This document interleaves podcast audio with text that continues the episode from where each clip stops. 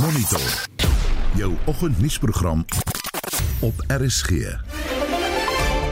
In vanoggend se program daar is 'n toename in malaria gevalle in die land. Suid-Afrika werk saam met organisasies om humanitêre hulp aan Gaza te verskaf.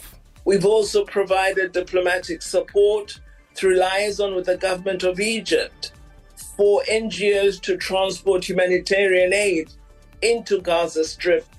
En 'n versoek om die moord op polisiebeamptes tot verraad te verklaar. Welkom by Monitor onder redaksie van Jan Estreisen, die produksieregisseur vanoggend is Daitron Godfrey en ek is Udo Karelse.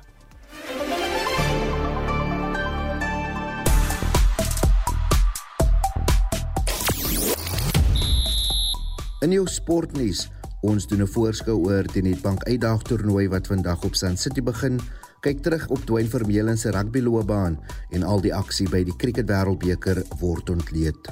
In die Noord-Kaap is daar 'n groot tekort aan noodsaaklike medisyne by staatshospitale en klinieke. Medikasie soos antiretrovirale middels, bloeddruk en pynpille is in sekere gebiede nie beskikbaar nie. Boonop is daar 'n wêreldwye tekort aan GLP-1 medikasie vir pasiënte wat met tipe 2 diabetes gediagnoseer is. Is jy in die Noord-Kaap? Is dit jou ervaring? Is daar elders in Suid-Afrika dieselfde tekort aan medikasie? Sukkel jy om medisyne in die hande te kry en watter soort medikasie? Hoe beïnvloed die tekort jou gesondheid en self sak om alternatiewe middels aan te koop? Stuur 'n SMS op die nommer 45889. Dit kos jou R1.50 per SMS of stuur vir ons 'n WhatsApp stemnota na die nommer 0765366961. Jy luister na Monitor. Elke weekoggend tussen 6 en 7. Dis 10 minute oor 6. Die minister van Polisie, Bekkie Cele, sê die polisie is onder beleg. Polisie vakbonde wil hê die moord op 'n polisieman of vrou moet tot verraad verklaar word. Die onafhanklike misdaadontleder en die voormalige hoof van die polisie se misdaadontledingssentrum, Dr. Christe Kok, sê minister Cele is korrek dat die aanslag teen die polisie baie ernstig is. Ek stem met hom saam. Ek meen daar gaan hopeloos in Suid-Afrika hopeloos te veel polisielede dood wat vermoor word. En ek stem dus saam met hom dat die misdaad eintlik in status verhoog moet word. Die enigste probleem wat ek het is die straf gaan min of meer dieselfde bly. Of jy nou vir moord gestraf gaan word van 'n polisieman en of jy vir hoogverraad addisioneel of as deel van daardie klag 'n straf gaan kry, die straf van dieselfde bly. Hoekom word daar so baie polisielede doodgemaak? Ook daar's verskillende verklaringe, maar begin by die eerste ding is ons het misdadigers wat besonder bloeddorstig is as ek dit so kan stel. Ons het misdadigers wat nie sal skroom om met 'n swaar kaliber geweer op 'n polisielid te skiet en selfs dese dae en ons vind dit toenemend op sekuriteitsbeamptes en mense wat hulle dink sekuriteitsbeamptes is, daar's nou die dag 'n jong dame in Louis Trigard doodgeskiet wat hulle vermoed het hulle was besig om 'n winkelsentrum te roof en toe hulle die bakkie se ligte gesien en hulle toe gedog dis 'n sekuriteitsvoertuig en hulle daar op slag doodgeskiet 37 skote in die voertuig in. So daar word toenemend teen mense wat nou in die misdadiger se pad staan of wat hom moontlik kan laat misluk in wat hy mee besig is of sy mee besig is, word daar geskiet. Tweede ding, die polisie lede word onder verskillende omstandighede doodgeskiet. Byvoorbeeld waar daar 'n skietery ontstaan tussen rowers of 'n groep misdadigers en die polisie. Ons het byvoorbeeld gehad daardie geval in Louis Trigard, daardie CIT rowers waar 'n luitenant-kolonel baie swaar gewond is. En as daar nie mediese voorsiening was op die toneel wil ek amper sê dat dit om die hoek gestaan van die straat dan sou hy nie vandag geleef het. Maar in elk geval sy been moes geamputeer word. En hulle het al gedog hulle die bende eintlik al uitgewis toe skiet een van hulle nog steeds. So dis die eerste hierdie oorweer skietery. Dan is daar natuurlik polisielede mans en vrouens wat vermoor word omdat hulle te veel weet van sekere misdadigers. Hulle word dus uitgehaal. Ons het gehad vir uh Luitenant Kolonel Kneer onder in die Kaap. Ons het onlangs 'n geval hier by Hammanskraal gehad waar 'n uh, Luitenant Kolonel op 'n Sondag aand daar naby die Tollhek doodgeskiet is ook omdat hy in sy ondersoek hom na sekere goed gelei het sekerlik. En so is daar baie verskillende verklaringe. Soms word polisielede toevallig doodgeskiet. Hulle is ook maar net die slagoffer van 'n huisroof Dis miskien dat hulle reaksie anders is wat hulle dan nou geskiet word. Of die rowers kom in die huis en hulle sien hier is uniform, dan skiet hulle die polisieman dood. Hoe gaan jy dit regkry dat jou polisie nie so blootgestel word nie? Kyk, daar is natuurlik basies twee of drie belangrike goed. Daar is 'n opleiding. Die polisie behoort miskien beter opgelei te word of knaand beter onderrig te ondervang en hoe hulle hulle self kan beskerm en uh hoe vinnig hulle hulle wapen moet uithaal en hoe moet hulle 'n skietery hanteer en ook versigtig wees as hulle rowers of misdadigers gaan arresteer want daardie mense mag terugskiet of skiet voor hulle nog kan arresteer. Die ander ding, hulle moet die hele tyd maar ingeprent word die voorsorgmaatreëls van byvoorbeeld die gepantserde drag wat hulle moet dra. Hulle moet dit dra, die sogenaamde bulletproof, want anders is hulle te veel van 'n teiken. En verder moet hulle net hulle oë en ore oop hou. Ek meen hulle moet versigtig wees. Maar met die maatreëls kan jy ook maar net tot op 'n sekere punt kom. Ek sê weer, ons misdadigers skiet sonder rede. Hulle gee nie om wat se geweld hulle gebruik nie. Ek dink dat ons sal moet in hierdie land een of ander tyd maar weer die debat moet besoek rondom die straf. Want 2 of 3 al skiet jy 4 polismanne dood of al skiet jy 15 mense in 'n Shebeen dood. Jy kry net 4 of 15, 15 lewenslange, maar 15 lewenslange strawwe wat parallel loop, hou jou net 'n sekere tyd in die tronk, dan jy weer uit. So my gevoel is ons sal maar weer en ek weet die politici sal nooit dit oorweeg nie, maar die debat moet heropen word van 'n uh, alternatiewe straf wat nou natuurlik weer ons bring by die doodstraf. Want dit gaan nie net oor polisman nie. Polismanne is een ding, maar dit gaan oor kindermoord, kinderverkrachting. Dit gaan oor sekere misdade wat daarom net doeteenvoudig onaanvaarbaar is. Stem daarvan Dr. Christo Kok en hy is 'n onafhanklike misdaadontleder en die voormalige hoof van die polisie se misdaadontledingsentrum. Hy het daar met ons Mitsi van der Merwe gesels. Die minister van internasionale betrekkinge en samewerking, Naledi Pandor, sê daar is nog nie 'n besluit geneem om teen Israel se ambassadeur in Suid-Afrika op te tree nie. Pandor en ministers in die veiligheidsgroep het gistermiddag vrae in die nasionale vergadering beantwoord. Celine Merrington berig. Die kabinet het vroeër die week aangekondig dat alle diplomatieke personeel in Tel Aviv vir raadpleging herroep word. Die minister van internasionale betrekkinge en samewerking, Naledi Pandor, sê daar is nog nie 'n besluit geneem oor die Israeliese ambassadeur in Suid-Afrika nie. I have not tabled a proposal to the cabinet for the expulsion of the ambassador of Israel to South Africa. As honorable members would be aware, given the cabinet uh, briefing, uh, the cabinet has uh, decided that we should recall our officials from Israel at this time for consultations. Should there be any further action to be taken by the government, we obviously would make the necessary statements. Sy sê die regering werk saam met noodlenigingsorganisasies om humanitêre hulp aan Gaza te verskaf. We have been in discussion with agencies such as the Gift of the Givers, the International Red Cross, and other civil society organizations to identify opportunities for partnerships in facilitating humanitarian aid to Gaza and other parts of the Palestinian territories. We've also provided diplomatic support through liaison with the government of Egypt for NGOs to transport humanitarian aid into Gaza Strip Die uitlewering van die Gupta broers vanaf die Verenigde Arabiese Emirate was ook een van die vrae. Maar dit blyk of die regering baie min vordering maak en die minister van Justisie en Korrektiewe Dienste, Ronald Lamula, sê die owerhede in die Emirate kon ook nie die broers se teenwoordigheid bevestig nie. Wanted to establish is in line with Article 51A of the treaty that indicates that when there is a charge of competent jurisdiction the authorities in the UAE are obliged to charge with regards to the charge of money laundering. They've also not yet charged them nor indicated whether they will charge them. We've also asked them with regards to the whereabouts of the Gupta brothers. They also stated to us that they are they don't know, they are not aware. But in line with an international law, the last position of site is the last site through which they are supposed to be requested from. Die polisie sê hulle gaan afgetrede speurders nader om te help met die stryd teen misdaad. Die adjunkminister van polisie, Kassel Matale, sê die werklading van speurders is te hoog. The number of cases that each detective have is more than they can manage. Hence, we are increasing in that space and hence the reason why we are re-enlisting those who have left the police space because we believe with that uh, approach will be able to capacitate this area of specialization. Dit was die adjunkminister van polisie Kassel Matale, Zelin Merrington, Parlement. President Cyril Ramaphosa sê demokrasie in Suid-Afrika sal ontspoor as bedrog en korrupsie nie bekamp word nie.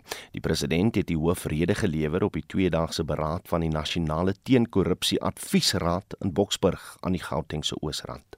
If corruption is not curbed, arrested, or stopped, the greatest damage will not be in the funds that are stolen or the jobs that are lost. It will be in damaging our democracy. It will be in making our people have less confidence and have less trust in our democracy.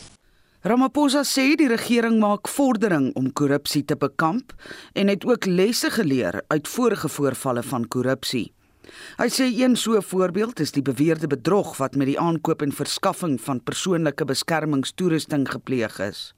When we went through the COVID-19 uh, PPEs, the personal protective equipment and mistakenly And that's where I sometimes say, yeah, we made a mistake. Or I also made a mistake to say, yes, we will have these PPEs uh, distributed and sent to our people because this was a moment of great need. And people set up companies just two or three days before PPEs were made available, and the money was there. They saw it coming and they, they grabbed the opportunity. Ramaphosa het die regbank geloof wat nie gekaap word nie. We are proud to have a judiciary that is not captured, that refuses to be captured if anybody tries. So we must be proud of that. Die stem van president Cyril Ramaphosa. Die verslag is saamgestel deur Ntlantla Katlane in Johannesburg en ek is Marlie Skeepers vir SAK nuus. Die departement van gesondheid sê meer as 7400 gevalle van malaria sedert die begin van die jaar aangemeld. Reisigers word gewaarsku om voorsorgmaatreëls te tref teen die dodelike siekte wat deur 'n muskietbyt oorgedra word. Ons praat nou hieroor met 'n navorser en koördineerder vir die Universiteit van Pretoria se Instituut vir Volhoubare Malaria Beheer, Dr Taneshka Kreer. Taneshka, goeiemôre. Goeiemôre Oude en baie dankie. Waar staan die syfer vir malaria sterfgevalle gewoonlik jaar op jaar? Wel, gewoonlik is dit min of meer wat dit op die oomblik is, ehm um, so by die 7000. Ehm um, alhoewel dis bietjie meer, bietjie hoër hierdie jaar in vergelyking met vorige jare, maar ehm um, dit dit lyk maar dit is maar normaal as ek dit so kan stel. Hmm. Hoekom is daar so bietjie van 'n toename en en en watter gebiede in Suid-Afrika is die risiko groot om malaria te kry? Wel in Suid-Afrika is dit um meer endemies in jou noordoostelike gedeeltes van KwaZulu-Natal, Mpumalanga en Limpopo provinsies, um veral naby aan ons grense met ons buurlande Zimbabwe en Mosambiek wat beide um veral laasgenoemde hoë malaria malaria risiko lande is. Nou die toename is gewoonlik hierso vanaf September, um want malaria in Suid-Afrika is baie seisoonaal, so dis vanaf September en die seisoen vir malaria loop tot en met Mei. Nou gevalle begin stadig vanaf Oktober Oktober maand toeneem, maar is gewoonlik hoogste tussen November regdeur tot April met 'n piek in um Januarie en Februarie. En dit het als te maak met 'n toename in reën en temperatuur. Hmm. So dit is nou maar te verwagte. Partykeer is dit bietjie hoër as daar bietjie meer reën is hierdie jaar, ander kere bietjie laer, maar dit lyk nog heel goed as ek dit so kan stel. Is daar 'n enstof teen malaria beskikbaar? Daar is op die oomblik ehm um, twee enstowwe wat nou onlangs ehm um, ontwikkel is. Dit is nou al jare en as ek sê jare bedoel ek dekades wat dit geneem is om enstowwe te ontwikkel. Maar twee ongeveer 2 jaar terug is een aangekondig, die RTSS ehm um, enstof en dit word heidaglik slegs vir jong kinders onder 2 jaar ehm um, wat in gemiddelde na hoë risiko areas ehm um, bly word dit aanbeveel en dan is daar nou op 2 Oktober as ek reg onthou, is die tweede een, naamlik die R21 of Matrix M aangekondig. Nou die WHO en die Verenigde Nasies is besig om te kyk hoe hierdie enstowwe dan teen middel volgende jaar in verskeie lande uitgerol kan word. En dan vir die res van ons, wat is die beste manier om voorsorg te tref teen malaria? Okay, nou die beste manier is eintlik maar die maklikste manier ook, ehm um, bly weg van muskietbyte. Voorkom dat die muskiet jou byt. Nou dit klink dalk te maklik, maar daar is maniere om dit dan natuurlik te doen. Onder andere as dit kom by malaria muskiete en jy's in 'n malaria area, moet nie ehm um, tussen sonsondergang en sonsopkoms buite wees nie, want dis gewoonlik wanneer hulle byt. Wanneer jy wel buite is, dra langmou hemde of broeke met lang pype dan natuurlik, ehm um, om te voorkom dat hulle jou byt smeer afweermiddels aan, maak seker dat jy in um, kamers is wat nie oop spasies het tussen die muur en die dak nie sodat die muskiete nie kan inkom nie.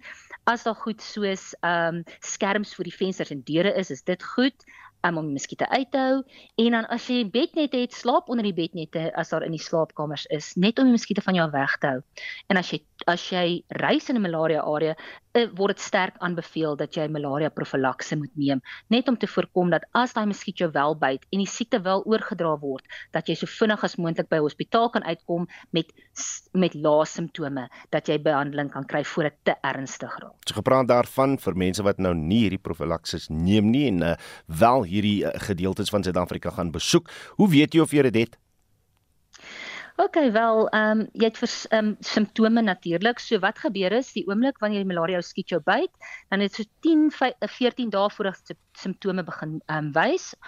Ehm uh, nou simptome van die gekomplekseerde malaria is soortgelyk aan jou griepsimptome wat dit bietjie moeilik maak om dit te onderskei van griep, maar dit kan insluit hoë koors, um, hoofpyn, moegheid, tamheid, naarheid, diarree, kombinasie van hierdie.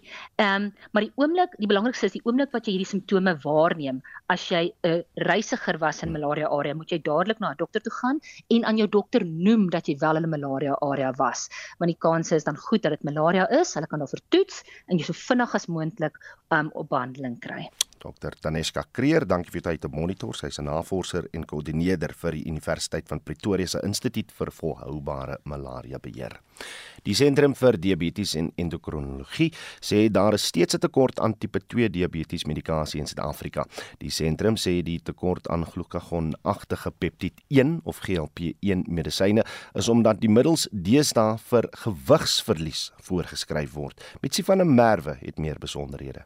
Dokters en ander gesondheidspersoneel moet nou alternatiewe middels vir die GLP-1 gebruik om mense met tipe 2 diabetes te behandel. GLP-1 middels word as meer doeltreffend en goedkoper beskou. 'n Spesialis verpleegkundige by die CDC Academy of Teaching and Learning, Michael Brown, sê daar is nou al vir 'n geruime tyd 'n tekort aan voorraad van GLP-1 medisyne.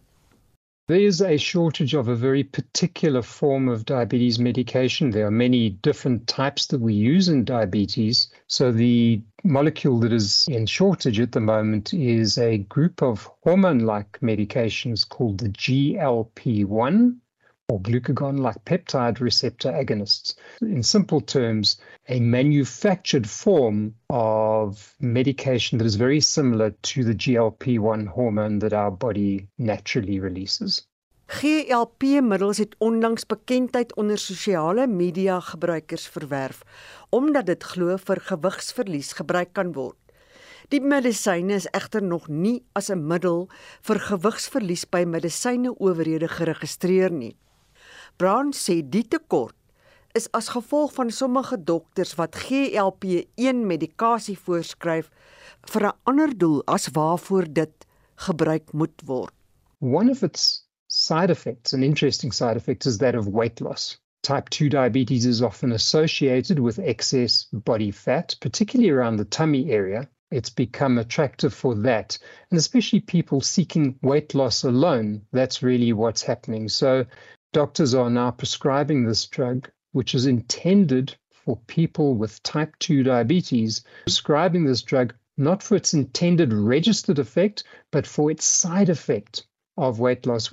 Hy sê die wêreldwye tekort het 'n negatiewe invloed op die gesondheid van mense wat met tipe 2 diabetes gediagnoseer is. It does inhibit our ability to engage in more precision like medicine. People with who are over 60 years old and who have pre-existing cardiovascular disease or risk. And that is where the evidence shows us that it is the most cost effective and best outcome medication. And that mm. gets lost in the social media noise around weight loss.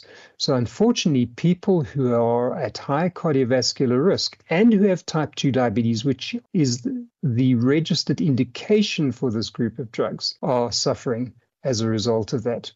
'n Kenner op die gebied van diabetes en endokrinologie Dr Angela Murphy vra dokters om vereers nie GLP-middels vir gewigsverlies voor te skryf nie. The chances are that we will see the registered indication for weight loss coming in the future, whether it's a year or 18 months down the line. There are other medications in development in the same group of medications. So I think the whole space will change in the next year. There will actually probably be more to access for patients. Dr Angela Murphy is 'n kenner op die gebied van diabetes. Prabashni Moodley het hierdie verslag saamgestel. Mitsi van der Merwe, SAK nuus. Wêreldnuus. Miami Amerika is die derde debat vir die verkiesing van die Republikeinse presidentskandidaat 'n paar ure gelede afgehandel. Onderwerpe wat aangeraak is sluit in die oorlog tussen Israel en Hamas, die oorlog in Oekraïne, spanning met Iran en haatsmisdaad of haatmisdaad in Amerika. Marlene Forsie hou verwikkelinge dop. Wie het deelgeneem, Marlene? Goed, daar was 5 deelnemers, maar dis nogal baie. So kom ons kyk na die top 3 kandidaate en in hierdie stadium is die voormalige president Donald Trump wat nie teenwoordig was nie, heel eerste, hy is heel bo. Die tweede voorloper is Florida se goewerneur Ron DeSantis en die voormalige goewerneur van South Carolina, Nikki Haley, is derde. Sy het ook die titel van VN-ambassadeur op die kerfstok. Nou, ontleeders meen Haley en DeSantis moet 'n haas uit die hoed trek om hierdie te wen. Nikki Haley really had a command of the topics and of her competitors. She was clear, she was concise, and her experience as United Nations ambassador really showed tonight. The bottom line here is that there are just two different Republican primaries that are happening. We have this kind of normal primary where candidates are vying for voters' attention. And then you have the other primary where the former president is running almost as an incumbent all alone it's just an uphill battle for any of these candidates to really overtake Donald Trump at this point. The reality is, former President Trump is the clear frontrunner in this race. He is leading in all the polls by and large. This is now crunch time for these candidates. Right now, these candidates we saw in this stage tonight were drawing contrasts among each other. They really need to be drawing contrasts among themselves and former President Trump if they expect to have a chance to win this nomination. En dit dan die stemme van Leanne Caldwell, 'n politieke joernalis in Amerika en Matt Harrell, 'n strateeg vir die Republikeine en voormalige personeelhoof vir senator Mark Rubio. Ons bly 'n oomblik in Amerika. New York heers daar frustrasie in die bedrogsaak teen oud-president Donald Trump wat kan lei tot 'n uh, ondergang van sy sakeondernemings. Ja, en dit keer is sy dogter Ivanka onder die soeklig en sy sê sy kan nie die eiendom ooreenkomste onthou wat sy by haar pa se ondernemings aan aangegaan het nie. Selfs al is daar bewyse van e-posse en ander vorms van kommunikasie aan die hoof voorgehou of eerder aan die hof voorgehou. Nou sy probeer volgens berigte om haar van haar pa se finansiële sake te distansieer en om te sê sy onthou nie is na bewering 'n taktik wat gebruik word om 'n mens self nou daar te beskerm. Die regter in die saak het reeds uitspraak gelewer dat Trump en sy seuns Eric en Donald Jr. aanspreeklik gehou kan word vir bedrog omdat hulle gejok het oor die grootte van hulle baat is om goeie lenings te kry. Dan na die Gaza-strook en Israel sê Hamas het beheer verloor oor die noorde van die streek. Ja, en nog 50000 burgers kon dit regkry om die gebied te verlaat nadat die pad tussen noord en suid vir 5 ure oopgemaak is. Sal na verwagting later vandag ook oopgemaak word vir nog mense wat uit die stad wil vlug. Wat sê Hamas? Hamas sê dat die meeste mense die afgelope 24 uur in die suide van Gaza dood is wat veronderstel is om veilig te wees en dat 10000 Palestynse burgers tot nou toe dood is. Daar's ook sprake dat 12 gijslaers vrygelaat sal word indien daarin gestem word om 'n 3-dag humanitêre skietstilstand stilstand te verrig. Nou hier is die FSA se minister van buitelandse sake, Anthony Blinken. We had in-depth discussions about the steps that we are taking to address urgent needs on the ground.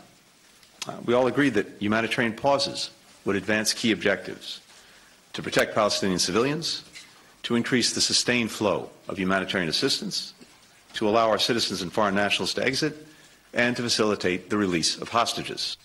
Nou ons moet wag en kyk wat daar gebeur. 'n BBC-joernalis Jeremy Bowen het saam met die Israeliese magte in Gaza ingegaan op voorwaarde dat hy nie hulle ligging verklap nie en die weermag moes eers na die beeldmateriaal kyk voordat dit uitgesaai is. Nou een van die offisiere wat nie geïdentifiseer is nie, sê Hamas is die wat onskuldige bloed vergiet en nie Israel nie. We know intelligence We know what we hit. We know the targets. They're approved by the by our command. It's not that I wake up and uh, my my objective is to, to ruin the, the city. I aim for enemy, an enemy only. And I use all in my power to hit the enemy only. So judging by the, the destruction here, the enemy was everywhere, you'd say? Yes. Yes. Ons nou verwikkelinge daarop. Baie interessant. Manley Forsie met die jongste op die internasionale nuusfront. Jy luister na Monitor. Elke weekoggend tussen 6 en 7. 6:34 en hier is wat voorlê in die res van die program. Verhoogde munisipale tariewe aan Oudtshoorn is in die kollig en 'n nuwe politieke party wat streef na die onafhanklikheid van die Wes-Kaap word vandag bekend gestel. Bly by ons.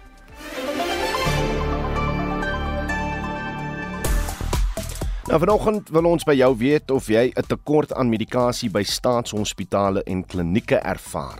Op die SMS lyn skryf Marianne van Bloemfontein, uh, die staat het beslis 'n tekort aan medikasie. Die dokter skryf 'n voorskrif vir 'n paar maande, maar jy kan net 7 dae se medikasie kry. Die res moet jy ook uit jou SASSA geld betaal en ou mense het baie pyn medikasie nodig. Stefanus Dupree skryf uh, hy drink 4 mg Cardigan elke dag vir die prostaat. Daar is kort kort sê 'n tekort en soms tot 3 maande op 'n slag. Hy benodig dit om te urineer. Nou laat weet wat jou ervaring is. Die rede kom ons hier oor praat in die Noord-Kaap is daar spesifiek 'n groot tekort aan noodsaaklike medisyne by ons staatshospitale en klinieke. Ons wil net weet as jy in die Noord-Kaap is, wat is jou ervaring daar en is dit elders in Suid-Afrika dieselfde geval? Uh, gee vir ons lekker besonderhede, kan ons miskien verder ondersoek instel. Stuur 'n SMS op die nommer 45889 dit kos jou R1.50 per SMS. Jy kan ook vir ons 'n stemnota stuur op WhatsApp na die nommer 0765366961. Ons beweeg nou na die sportveld. Jody Hendriks, goeiemôre. Goeiemôre Oudo. Ons begin met wat in Sun City aan die gebeur gaan wees. Die Netbank uitdag golftoernooi begin vandag. Ja, van die wêreld se voorste golfspelers soos die Italianer Francesco Molinari, ook die major wenners Justin Rose en Justin Thomas, asook Tommy Fleetwood, die verdedigende kampioen wat daar in aksie gaan wees. Verskeie Suid-Afrikaners soos Zander Lombard, Tristan Lawrence en Brandon Grace wat ook op die Gary Player by te klip gaan afslaan. Maar kom ons hoor van die voormalige major wenner Justin Thomas oor wat hy oor die volgende paar dae in Sun City verwag. Drive it well is very uh, key. I mean, for, for myself personally, it's it's really just trying to get the distance control. I mean, playing at the, the altitude, trying to hone in exactly those yardages and uh, you know the different trajectories and how that affects it, and the wind and whatnot, and the temperature. So, I mean, I'm not the only one that's dealing with it. Everybody in the field is, but I feel like for me personally, that's going to be the key to you know making birdies. Um, the difference of hitting it to you know 20, 30 feet is instead of five and 10 feet. So really just kind of taking each hole for what it is and then plotting our way around. Reg, dis uh, gister amptelik bekend gemaak dat Dwayne Vermeulen die spel van rugby as speler vaarwel uh, roep. Ja, en die 37-jarige gaan moontlik nou sy fokus na afrigting skuif. Hy het in 76 toetse vir die Bokke gespeel. Baie mense vergeet hoe nou 4 keer kaptein van die Bokspan gewees, ook rugby speler van die jaar in 2014 en 2020 en hy het natuurlik sy internasionale loopbaan afgesluit met daai 1.7 in die Wêreldbeker eindstryd teen die All Blacks in Frankryk.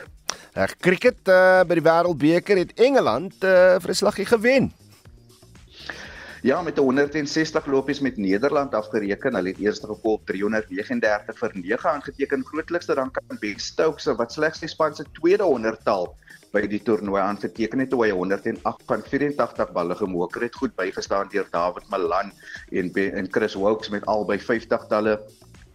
Nederlandse kolwers het gesukkel en was nooit in die wedstryd nie en soos ek gesê het dan verloor hulle die kragmeting met 160. Vandag is Nieu-Seeland en Sri Lanka Opponente môre speel die Proteas in hul laaste groepwedstryd teen Afghanistan en die span se bowlervrigter Erik Simons sê dit is belangrik dat die Proteas nie toelaat dat Afghanistan uh, se bowlers hul kolwers in die kragmeting onwrig nie. Important thing for us is that we do not allow the batsmen to dictate our tactics. We talk about someone like Rashid Khan is what what I call a disruptor. The way that he bats is very disrupting, hits the ball in strange areas and before you know it you've bowled balls at him and, and with respect. He's, he's also disrupt the way that he comes to the wicket and the way that he bats. They disrupt you and they, and they take you off your game, or they can take you game plan. It's important that you don't allow that to. So you, we, we saw a situation where the, the Afghanistan batsmen were dictating the Australians' plans, and as experienced as Cummins and Stark and Hazelwood are, they seem to almost get in their heads and, and control the way the game and the tempo the game is played. And I think that's something that's very important for a bowling for a bowling lineup to not allow that batsman to do, when, particularly when you know that you're going into the game and these guys are disruptors in the way that they play. Proteas bal afrigter Erik Simons. Nou, ek gaan nou vir 'n wyle net my klank bietjie toedryf want ek wil nie hoor wat op die sokkerveld gebeur het gisteraand, Jody.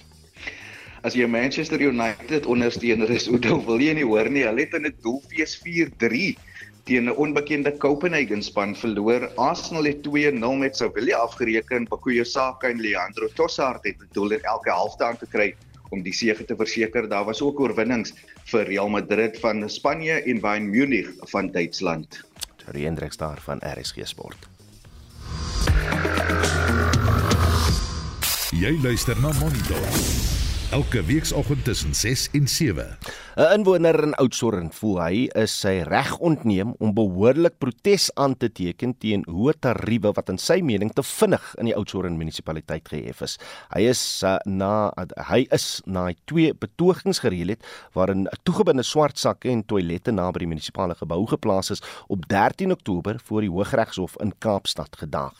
Die burgemeester van die Oudtshoorn munisipaliteit, Chris McPherson, sê daarenteen dat hy 'n plig teenoor die gemeenskap het om orde te handhaaf. Mitsi van der Merwe doen verslag. 'n Inwoner, Arno Gryiling, sê die dringende aansoek in die Hooggeregshof het 4 klagtes behels. 1 dat uh, daar 'n verklarende bevel is dat uh, my aksie as krimineel verklaar word wat dis dan nou die deur oopmaak vir verdere vervolging. 2 dat ek verbied word om die swart sakke daar neer te sit as deel van die protesaksie aangesien dit teenstrydig is met 'n bywet. 3 hulle wou 'n kostebevel hê teen my en dan die laaste een is 'n verbod op my praat en aanhitsing daarvan met die publiek of met die pers of maar dit het alles spesifiek net met die sogenaamde rommelstrooi te doen. Slegs die dringende interdik is toegestaan en dit is die een van uh, dat hulle wel die interdik gekry het maar die kostebevel is van die hand gewys. Hulle moes die bede van om dit krimineel te verklaar terugtrek as ook my reg en ons reg as gemeenskap tot vryheid van protesaksie is erken. Die regter was verder baie baie krities teenoor die munisipaliteit. Se regspan gevra wat maak 'n gewone inwoner wat sy reg tot protes uitoefen in 'n hoër regshof. Hoekom word dan nie met die mense van die dorp na behore gekommunikeer en ge-engage of dan nou interaksie te hê nie? Maar die burgemeester van Oudtshoorn, Chris McPherson, sien die saak anders. Die feit van die saak is dat dit suiwer gegaan oor 'n kwessie van die onwettige optrede tydens enige beswaarmaking of enige protesaksie. Dit staan enige individu vry om te proteseer binne die raamwerk van die wet. Meneer Gryling is gewaarsku na die eerste keer dat ons ons sou oorsien die munisipaliteit het 'n besluit geneem omdat dit geweldige kostes vir ons meegebring het om na ure te werk om die goed te verwyder en dit onwettige storting is. En asseblief dit moet doen. Hy het 'n minagtende brief geskryf aan die direkteur wat die versoek na hom toe gerig het en hy het gesê hy daag die munisipaliteit om teen hom op te tree. Arno Greiling hou vol dat hy gedreig is. Ek het as organiseerder hiervan het 'n brief ontvang van meneer Nul van Staden, direkteur gemeenskapsdienste waarop hy gesê het dat hy voel dat die eerste keer waarop ons beswaar aangeteken was nou genoeg. Ons punt is gemaak en dat uh, in die vervolg dit nie weer geduld sal word nie en daarna het die burgemeester ook met die plaaslike pers gepraat en aangedui dat ek as organiseerder aangekla gaan word en in tweede in rekening sal ontvang vir oor tyd en vir wat gedoen is om die sakke te verwyder as ook koste soos diesel ensovoorts. McPherson sê na die tweede protes optrede het die munisipaliteit geen ander keuse gehad as om op te tree nie. Die dilemma is Dit gaan oor die optrede van die individu. Dit gaan oor as die munisipaliteit een so toelaat, dan kan alle dit ook doen en die wet omseil en dan is die vraag wat dan gevra word, hoekom laat jy een toe en die ander so jy skep 'n presedent En ek dink dis die laaste ding wat ons wil hê is om 'n president te skep vir enige optredes. Veral te sien in die oog van wat gebeur het in Swellendam. As jy eers een ding toelaat, kan jy later die die brandvugte daarvan uitpluk. Greiling voel dat 'n Hooggeregshof saak buitensporig was. Hoekom nie die normale sanksies oor die verbreeking van bywette volg nie, met ander woorde 'n boete? En as jy nie saamstem met die boete nie, dan kan jy dit sommer in die Landdroshof beklei. Hoekom Hooggeregshof toe? want daar is voorgeskrewe remedies vir die oortreding van 'n bywet en dit is bloot geïgnoreer en die uiters duur en moeilike proses van Hooggeregshof is te gevolg. Burgemeester McPherson sê dit was die munisipaliteit se regsverteenwoordiger se besluit om aansoek vir 'n dringende interdik te doen. Die munisipaliteit was van die begin af, hulle het 'n eksterne regsfirma aangestel wat die saak moes hanteer en hulle het gegaan na die landroshof die plaaslik om die saak aan hulle te maak maar die munisipaliteit is toe ingelig deur die regsverteenwoordiger dat dit nie kan hanteer nie en hy het verplig was om dit na die hoër regshof te neem vir die interdik. Greiling se klagtes was tweeledig. Ons maak 'n sterkste beswaar veral teen hierdie twee aspekte wat so verskriklik vinnig verhoog is. Ons praat van die vullisverwydering van 67% as ook 'n onwettige heffing per toilet wat ons gekry het vir sanitasie heffing word nou per toilet gedoen nadat dit in 2021 deur die Hooggeregshof as onwettig verklaar is. McPherson sê die tesouriese voorskrifte aan munisipaliteite is dat alle dienste wat gelewer word se kostes weerspieëlend moet wees.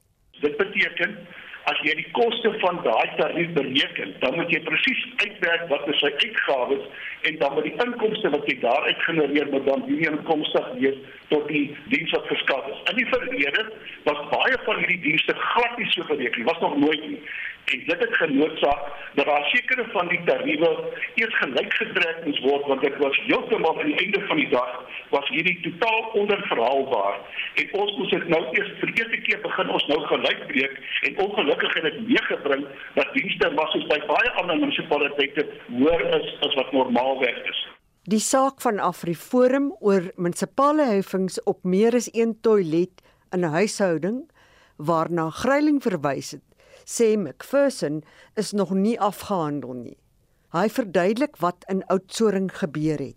Een deel van die dorp het vir een toilet dieselfde prys betaal as 'n persoon in 'n ander deel van die dorp wat tot 5 en meer toilette het. En tesourier het vir ons gesê maar ons beweeg buite die raamwerk van die wet wat sê jy moet dit proporsioneel betaal tot die diens wat jy kry.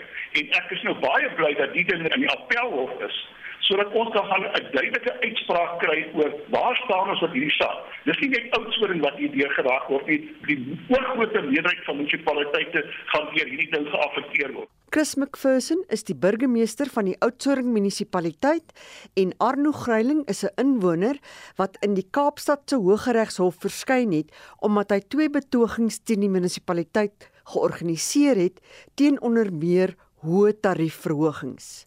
Mitsi van der Merwe SAK nuus. In Kaapstad word 'n nuwe politieke party, die Referendumparty, vandag amptelik bekend gestaan. Die party kom uit die Kaapse Onafhanklikheidsdrukgroep. Die doel is om die DA regering te dwing om 'n referendum te hou oor die Wes oor of die Weskaap onafhanklikheid van Suid-Afrika moet kry. Ons praat met die leier van die Referendumparty, Volkryk. Vol goeiemôre. Goeiemôre Udo, baie baie lekker saam met julle te wees vanoggend. Wat gee vir jou die sterkste aanduiding dat die meerderheid van mense in die Wes-Kaap onafhanklik wil wees van die res van Suid-Afrika? Well, look, there's been several things that, that we've done. I mean, we've conducted regular polling as an organisation, and the last time we polled was in August this year, and seven out of 10, or 68% of Western Cape voters said they wanted a referendum on Cape independence, and 58% of voters said that, uh, you know, that they would support Cape independence outright. And then organisations like Cape Exit have got, I think they've got now 850,000 people have signed up a mandate. So there's absolutely no question that there is a huge amount of support for Cape independence independence. We won't know exactly what level of support till we hold a referendum, and that's the whole purpose of having the, the, the provision for referendums in our constitution so that we can find out what people want. Uh, Val sou dit goedkoper wees om net uh, aan te hou druk te plaas op die provinsiale regering om om 'n referendum te bewerkstellig in die Wes-Kaap nie. Sorry, say that again, please. I, I, I missed that slightly. Would it, would it not be cheaper to simply continue to put pressure on the Western Cape government to to call for a referendum? Uh, Uh, thank you. It, it, would be it would be much much cheaper. Uh, it would be much much easier. Uh, but unfortunately, the Western Cape government has stubbornly decided that it's going to avoid the democratic will of the Western Cape people on this issue, which I, which is actually quite shameful. So you know, what have we done? We've got pressure groups. We've marched on Parliament. We've reduced polling.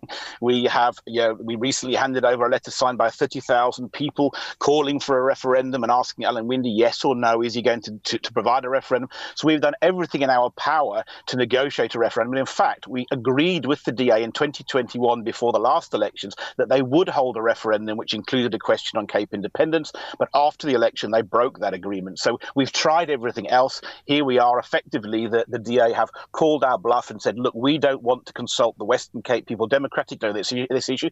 And we know from internal documents that's because they're scared of the outcome. They know that the Western Cape is going to vote for Cape independence if it's given the chance. Uh, so we've done everything else this is where we are. So now we've got to call the DA's bluff and we've got to put this in the hands of the Western Cape people and say, guys, if you want Cape independence, you can have it, but you're going to have to vote for it in 2024. Phil, tell me, have, have you taken a leaf as the referendum party out of the approach by Nigel Farage's Brexit party? Absolutely. Look, in many ways, we, we this is this is a carbon copy of, of Brexit, and I think uh, I think actually, if you look at the UK situation, there are two examples of, of, of, different pressure groups here. In the one hand, you've got the Scottish National Party or the SNP who want to govern. Uh, they became the largest party in the Scottish Parliament, and actually had Scotland voted for independence, which it, which, which it didn't. Um, then then they would have been the government because they wanted political power. Now, when you come and look at the Brexit Party, Farage actually was originally a Conservative MP. Um, he, he didn't want to govern the UK. Uh, what he wanted was to force the government of the UK to listen to the people of the UK. Uh, and they created this pressure, uh, this party, to particularly to put pressure onto the government so that it would be forced to listen to the people who it's supposed to be serving. And that's exactly what we're doing in the Western Cape. We've created this party. We're not interested in governing. We know that the DA are doing a good job in the Western Cape. We want to keep the DA in power in the Western Cape, but we want them to be forced to listen to voters and if they're a Democratic Party, then to democratically consult, to show that with their actions and democratically consult, even if they don't like okay. the idea, to put the idea before the people of the Western Cape and let them choose for themselves. It begs asking, are you, like the Brexit Party, anti-foreigner, xenophobic? No, we're not. We're not anti. You know, we're, we're strongly non-racial. Uh, look, we're very, very pro the people of the Western Cape, and we're certainly anti the vast illegal settlement of land in the Western Cape that's going on. I mean, that's simply not sustainable, and it's and it's extracting a normal, uh, an enormous cost uh, on the on the people of the province. But actually, we're definitely not xenophobic. What we would say to people is, look, the people of the Western Cape come first, and if people are going to come to our province, by all means, come, but come legally. And then just a silly question, but still a practical one. Should there be independence in the Western Cape? Is the Springbok team then ours? Or will players from that part of the world still be allowed to play as Springboks? So uh, look, obviously that's a, that's a, a decision that would be a, would be a, above my station. I think there's a deep love for the Springboks I mean, throughout South Africa. The, the, the, out of the system born from the process you're starting, there's got to be a, a real world answer to this question. Sure. Well, look, th- th- there is, but I think you know, first and foremost, let's you know, let, let's lift people out of, of poverty. Let's create a, a future where we're all going to be uh, you know, living better lives and fulfilling our potential. And then let's work out how rugby team comes after. Look, there are examples, and if people want to find uh, Ireland would be a good example. You know, Ireland is is, is divided. Many people probably know that the Ireland rugby team actually represents two countries: Southern Ireland uh, and Northern Ireland. Despite all of their travels, they, they play rugby together. So so if people really want to continue with the, the Springboks as one thing, then certainly you know, that, that's happened before. But I mean, look, let, let's let's focus on the really important things first. And actually, you know, far too much of our country is focused. The, pretty well, the Springboks are almost the only thing that's holding our country together at the moment. You know, let, let, let's let's focus on the real issues of unemployment and poverty uh, and, and health system and education and so on. Which is why I asked a silly but still very practical question for Craig. Is die leier van die referendumparty wat vandag in die Wes-Kaap bekend gestel word. Reg ons vra vanoggend of jy 'n tekort aan medikasie by staatshospitale en klinieke ervaar. Hier is een luisteraar se ervaring. Die dokter by die staatshospitaal skryf 'n nuwe bloeddrukpil voor en dan sê die apteker vir jou hulle moet 8 weke wag voordat hulle vir jou die pil kan gee. En selfs met cholesterolpille, hulle sê hulle het net nie in voorraad nie. So hulle gee jou dit nie so as jy nie werk het nie, dan moet jy maar sonder die pille gaan vir die 8 weke tot hulle dit uiteindelik kry. Nog van julle stemnotas op 0765366961 of stuur vir ons 'n SMS op die nommer 45889 kos jy R1.50 per SMS. Ons groet namens ons uitvoerende regisseur Nicoline Wie ons redakteur Jean Estreisen, ons produksieregisseur Daitron Godfrey en ek is Oudo Karelse. Totsiens.